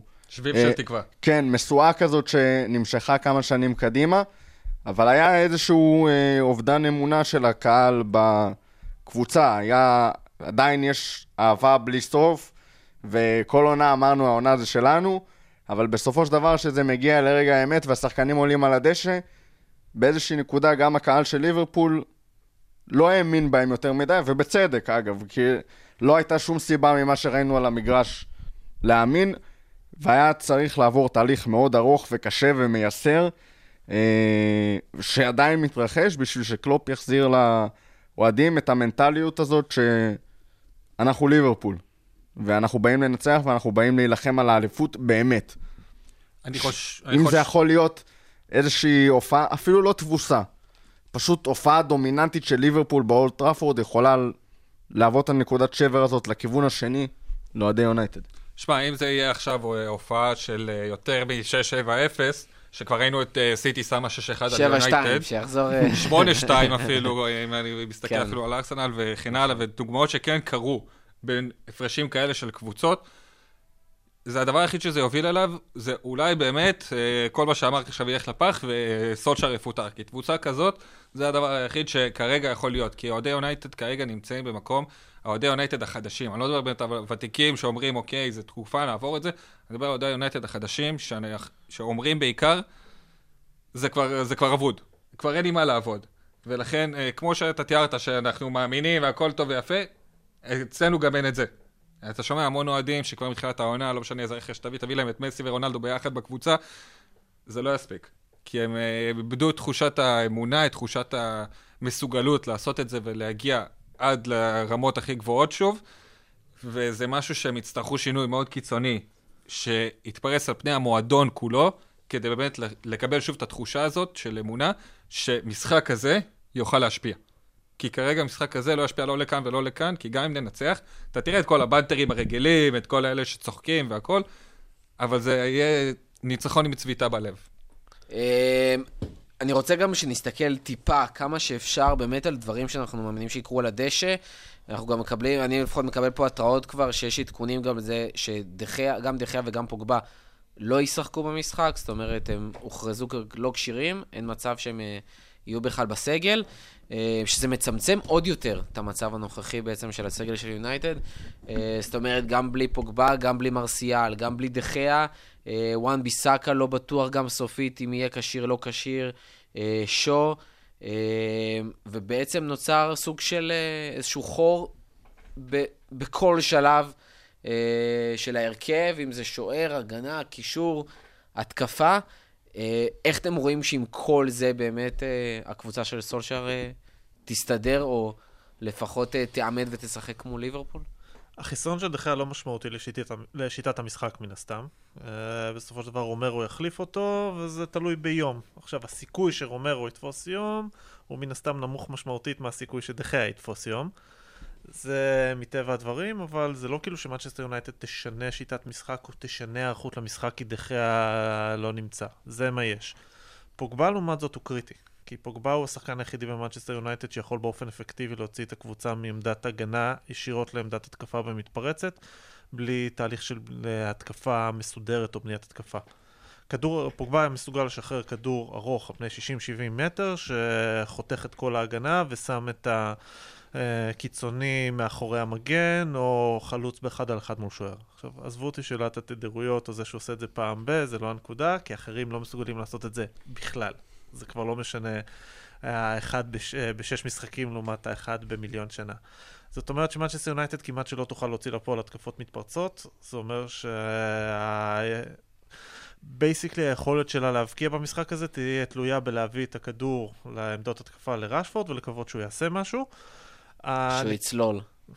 לא, לא, פשוט יעשה משהו מבחינת היכולת שלו, לצלול לא יעזור לו במיוחד, כי ב VAR אה, עסקינן, צלילות ברורות לצורך העניין. ראינו כבר שזה לא בהכרח למרות שכן, כבר ראינו יש לנו את דניאל ג'יימס בשביל זה, ו- עזוב, נו, אתה הולך לרשפורד ג'יימס, ישר. יש לך את אטקינסון אה, כשופט, בסדר, נו. אה, אני לא. חושב שה VAR אה, יתפוס את הצלילות, מה שה VAR לא יתעסק איתו זה מה יקרה אם יש אה, פנדל ברור שהוא לא יסתכל עליו השופט, אז דבר כזה ה VAR מפספס די בקלות, כפי שראינו, אבל אה, הקטע של הצלילות הוא פחות אה, רלוונטי כאן. Uh, הנקודה של אחרי פגרת הנבחרות היא קריטית, כי בסופו של דבר זאת אומרת שאולי פוגבה בחוץ, אבל uh, מרסיאל אולי יחזור. ומעבר לעובדה שאם מרסיאל חוזר, אז הוא לא יפתח ככל הנראה, הבן אדם לא שיחק חודש וחצי. אבל זה אומר ש... יכול להיות שהוא ישחק דווקא בגלל שכל כך הרבה שחקנים לא משחקים, ואתה אומר לעצמך, טוב, אני מעלה אותו, ומקסימום אני אחליף אותו באיזשהו שחקן אחר באמצע, אבל לפחות שייתן לי את הדקות האלה? לא, אני חושב על זה בכיוון ההפוך יותר. כלומר, עד עכשיו ראיתי את סולשר uh, תמיד, גם מוריניו עשה את זה, הרבה מאמנים עושים את זה וזה הגיוני. לא עולים עם כל שחקני התקפה, אלא אתה משאיר מישהו על הספסל שיהיה לך כוח אש התקפי לשנות את המשחק מהספסל. אז אם לצורך העניין מנצ'סטר יונייטד מגיעה למשחק עם ראשפורד וגרינווד בתור שחקני התקפה היחידים, מן הסתם שגרינווד יישב על הספסל וראשפורד יפתח. אם מרסיאל כשיר לפחות לחצי שעה, זאת אומרת שפתאום סולשר יכול להפתיע ולבוא לשחק עם אה, ראשפורד בצד שמאל, עם גרינווד בצד ימין, ועם אה, נניח פררה, מטה, ג'יימס, לא משנה מי, בתור אה, תשע נסוג, ואז לנסות לשחק על כדורים ארוכים לקיצוניים המהירים מאחורי המגינים של ליברפול. לנסות לתפוס את המצב שבו ארנולד או רוברטסון עולים להתקפה, ולשלוח שחקנים מאחוריהם. זה גם מאוד תלוי מה תהיה התוצאה בדקה הזאת, כי אם יהיה 2-0 לליברפול, קלופ לא... כנראה לא יעשה את הטעות הזאת, ואחד מהמגנים יישאר יותר אחורה, ואם יהיה 0-0 או אפילו 1-0 ליונייטד, אנחנו... 2-0 לליברפול זה לא רלוונטי, זה משחק גמור. אבל האופציה. מהספסל מאוד מאוד תלויה בתוצאה במקרה נכון. הזה. אבל כאילו- כשמאמן עושה את החשבון הזה, אני מדבר על לפני המשחק, כשהוא עושה את החשבון, או אז הוא רוצה להשאיר את האופציה מהספסל, אז יכול להיות שהוא יפתח עם שני שחקני התקפה, כמו גרינווד וראשוורד, בגלל שיש לו אופציה על הספסל, זה מן הסתם החלטה שהוא יקבל לפני המשחק, ולא במהלכו, בעוד שאם מרסיאל לא יכול לשחק בכלל, אז גרינווד לא יפתח. זה יהיה רק ראשפורד ופתאום האופציות uh, מוגבלות. השיטה שאני מתאר אותה, uh, זה מה שיונייטד עשתה מול טוטנאם. בניצחון אה, 1-0 בינואר. בדיוק אותו דבר, שימוש בלינגרד אז בתור תשע מזויף, ואז ראשפורד בצד ימין, מרש... מרסיאל בצד שמאל, שיחקו כקיצוניים, קיבלו הוראה לא לרדת אחורה ולתמוך בהגנה, שהקישור האחורי יתמוך בהגנה מול המתקפות של המגינים של טוטנאם, וראשפורד נשלח הרבה מאוד מאחורי המגינים אה, של טוטנאם, ובדיוק ככה הוא הבקיע את שער הניצחון. כדור ארוך שמצא אותו מאחורי בן דייוויס, לבד מול השוער, ובום. ההבדל פה, עוד לפני שניכנס לעניין אה, בין ליברפול וטוטנאם, הוא פשוט. מי ששלח את ראשפורד בכדור המדויק הזה מאחורי בן דייוויס היה פוגבה, ומי שהיה השחקן המצטיין של יונייטד במשחק הזה, שהצליח לעמוד בפרץ אחרי שיונייטד ירדה למגננה עם היתרון 1-0, היה דה חאה. החיסרון של שני אלה הולך פשוט לנטרל כמעט כל יכולת של מנצ'סטר יונייטד להפתיע, אבל מה שיש לה טמון בדיוק בזה. ומעבר. לזה של לתת לטרנט אלכסנדר ארנולד לרוץ קדימה, זה לא כמו לתת לבן דייוויס לרוץ קדימה, ואתה צריך להגן בעצם בשני האגפים מול אה, סאלח וטרנט ומאנה ורוברטסון, שזה לא... אה, זה רמה אחת פלוס פלוס פלוס מעל אה, האיום ההתקפי שטוטנאם היוותה באותו זמן, וההתקפה של טוטנאם לא רעה בכלל. כן, מה שיונייטד תעשה במקרה הזה הוא בניגוד למה שהיא עשתה במשחק ההוא, אז היה לה קשר אחורי אחד, אז פה היא תשלח שניים, זאת אומרת שגם המגינים וגם הקשרים האחוריים הם אלה שהתבקשו לעצור את אה, טרנט ארנולד, הוא לא זה לא כאילו שייתנו לו לרוץ לבד, אלא יגידו, אוקיי, מי שאמור לעצור אותו זה לא ראשפורד שיחזור אחורה, זה מקטומיני שיצמד אליו. שזה דרך אגב עדיף גם מבחינת הסגירה של יונייטד. מקטומיני עדיין יודע לסגור יותר טוב. שזה אגב. לפי מה ששמעתי, אופציה מאוד לא אהובה על ידי כמה וכמה מהאוהדים. כי היא מאוד פרקטית, יכול להיות שזה, מבחינה טקטית זה חכם, אבל מצד שני זה... אני fucking מעלה שני קשרים דפנסיביים מול ליברפול באולד טראפורד. יונייטד משחקת כרגע עם שני קשרים דפנסיביים באופן קבוע. זה ה-4-2-3-1, זה השיטה של סולשר רץ איתה. זהו, זה יכול להיות... אה, זה אולי אחד הדברים שאני... אולי אחד הדברים היחידים שאני אוהב בסולשר, שהוא מתמיד בדרך שלו, אבל אחד הדברים שאני שונא אצלו, כי הוא פשוט לא רואה שהדרך שלו לא עובדת. והשתי קשרים אחוריים, זה אין מה לעשות, זה בנקר בהרכב שלו, ושאנחנו נראה את העשר שאין לנו, הוא משחק, זה משהו בנקר בהרכב שלו. אה, ולמעשה שתי הקשרים האחוריים שיצטרכו לעמוד מול גם טרנט, גם רוברטסון וגם שלושה קשרים שהם דפנסיביים אבל עושים פעולות התקפיות, אה, גם מול אה, סאלח מאנה, פשוט יונייטד, סולשר לא יעמיד קבוצה מספיק טובה כדי שהיא תוכל להתמודד מול הדבר הזה, כי שתי קשרים אחוריים ושחקני התקפה שבקושי עושים פעולות אינטנסיביות, אה, הגנתיות, זה פשוט לא יכול לעבוד. זה פיזית לא יכול לעבוד, כי אתה לא יכול לעמוד מול אינטנסיביות כזאת של אה, ליברפול, אין מה לעשות.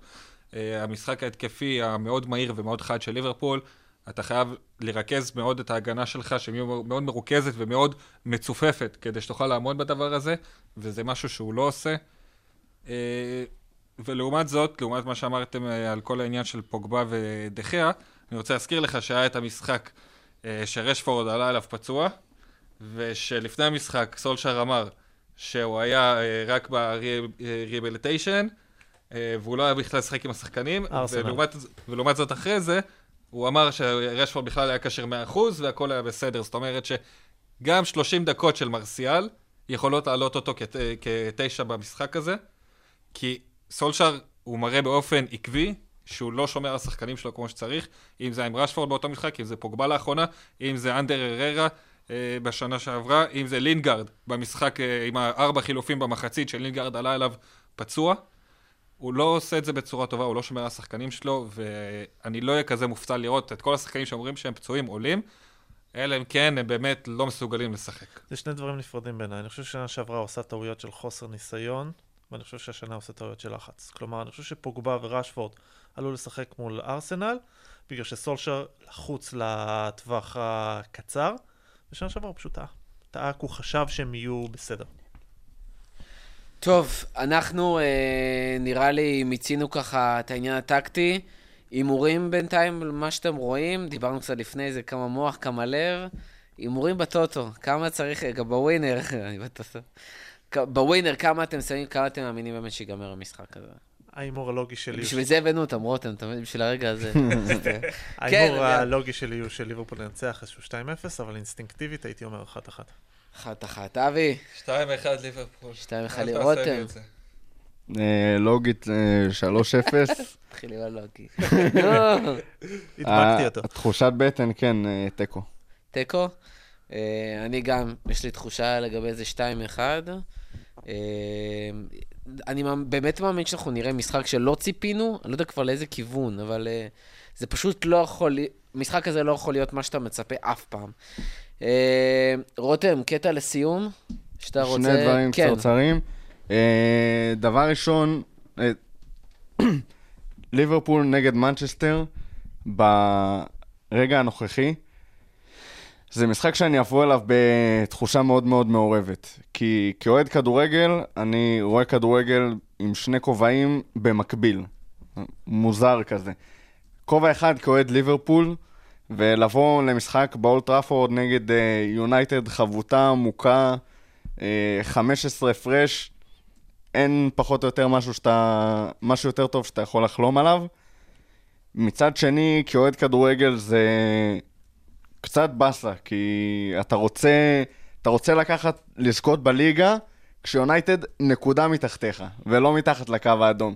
אתה רוצה כל שנה לקחת את האליפות הזאת על הראש של יונייטד, ואתה רוצה לנצח באולד טראפורד, לא את יונייטד המוכה והחבולה, וה... או לא רק אותה, כי גם אותה אתה מאוד רוצה לנצח, אבל באולד טראפורד אתה רוצה אה, לנצח את הקבוצה הזאת עם אה, גיגס ורוני וכל האנשים האלה אה, חייכו אליך חיוך זחוח לאורך השנים, ולא איזה צל חיוור שלהם. לנצח אה, היום זה באמת אה, לנצח אה, בשביל הבנטר, מה שנקרא. לנצח כי אה, אתה יודע שאתה הולך, כי אם המשחק הזה ייגמר בניצחון לליברפול, אתה תרגיש טוב, זה היה ברור שזה יקרה, וממשיכים הלאה כי אנחנו נצחק אני, על... אה, אני יותר אשמח ששמרתי על השמונה, או אמן, אמן, אמן, 11, ששמרתי על הפער שלי מסיטי ועשיתי עוד צעד לכיוון האליפות, מאשר שניצחתי ניצחתי את מנצ'סטר יונייטד. כן, אבל לעומת אה, זאת, לנצח את יונייטד, כמו שאתה מתאר, מה שהיא הייתה, זה באמת, אה, ולעבור אותה בנקודה ב- בטבלה, ואני מבין את זה מהצד השני גם, זה, אתה יוצא מהניצחון הזה עם תחושת גאווה, וזה משהו אחר לגמרי, שאי אפשר לתאר. אה, לחלוטין. הדבר השני והאחרון זה אה, לקוח מתוך אה, קטע נפלא שגרי נביל כתב ל-The Players Tribune ב-2016. אה, למי שרוצה, אנחנו נשים לזה לינק, באמת סיכום אה, נפלא של היריבות הזאת מהפנים של שחקן. אה, גרי נביל אומר ככה, זה שונה מארסנל, זה שונה מצ'לסי, זה אפילו שונה מסיטי, לפחות בשבילי.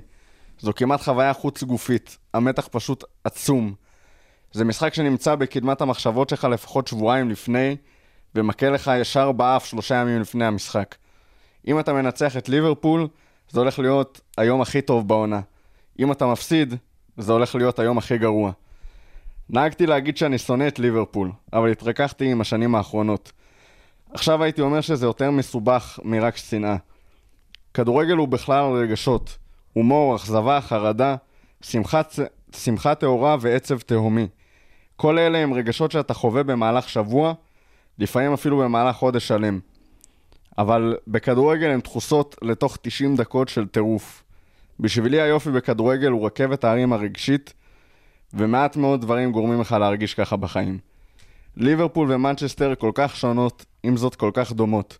יש אותנטיות בשתי הערים, אנשים כנים ואמיתיים, אוהבי עבודה קשה ובעיקר אוהבי כדורגל. וזה יותר מורכב משנאה.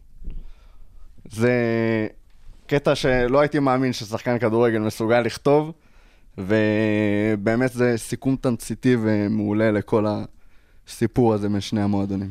טוב, אז אנחנו אה, נסיים כאן. תודה רבה לכל מי שהאזין לנו עד עכשיו. המשחק הזה באמת מיוחד לכולנו, ואנחנו מקווים שהכנו אתכם כמו שצריך, והשכלנו אתכם אה, בכל מה שקשור לתרבות הספורט, ביריבות הענקית הזאת.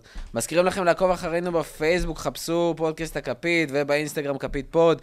לאוהדי יונייטד שהאזינו, מזמינים אתכם להאזין גם לפודקאסט של תינוקות בסבי, אה, גם לפודקאסט של הליגה האנגלית, חשוב. נקווה לעוד שיתופי פעולה נהדרים שכאלה. תודה רבה, אבי. תודה רבה, היה כיף. אביעד. היה תענוג. תודה רבה, רותם. היה ועד מעולה. הפעם הבאה, לפטר. לפטר. הכפית. הפודקאסט לאוהדי ליברפול בישראל.